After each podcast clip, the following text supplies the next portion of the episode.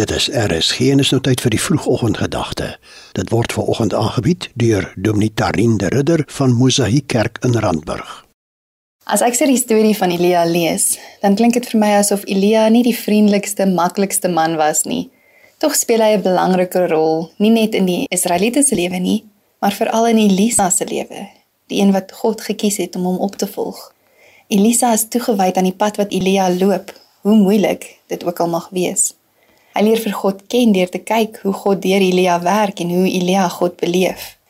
Later staan daar dat Elisa sy opleiding by Elia gekry het. Hy volg hom in sy lewenswandel en wanneer die tyd kom vir Elia om klaar te maak met sy taak op aarde, sien Elisa die merkwaardige manier waarop Elia gehaal word. En dan die volgende in 2 Konings 2. Hy het met hierdie mantel wat van Elia afgeval het op die water geslaan en gesê: "Waar is die Here, die God van Elia? Waar is hy?" Toe Elisa die water slaan, het dit na links en na regs verdeel sodat hy kon deurgaan.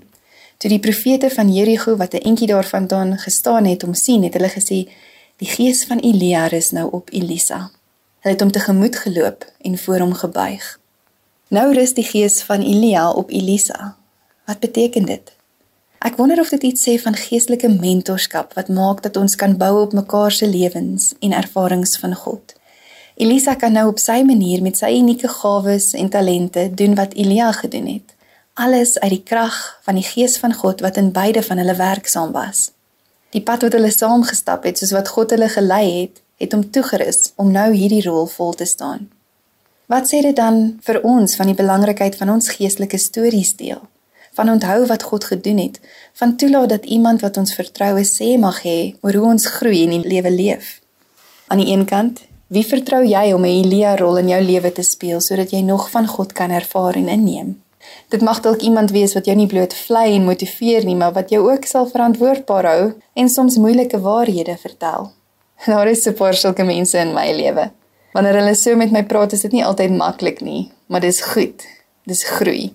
Die wederwysige vertroue in die verhouding maak dit ook veilig. Aan die ander kant, vir wie kan jy 'n Elia wees sodat hulle kan ontdek hoe hulle in God se hand iemand besonder is, iemand wat iets betekenisvol kan doen? Hoe kan jy 'n voorbeeld wees en leer sonder om jou styl of denkpose bloot te probeer dupliseer en dis af te dwing? Die Here gee ons vir mekaar en maak ons deel van mekaar se lewens.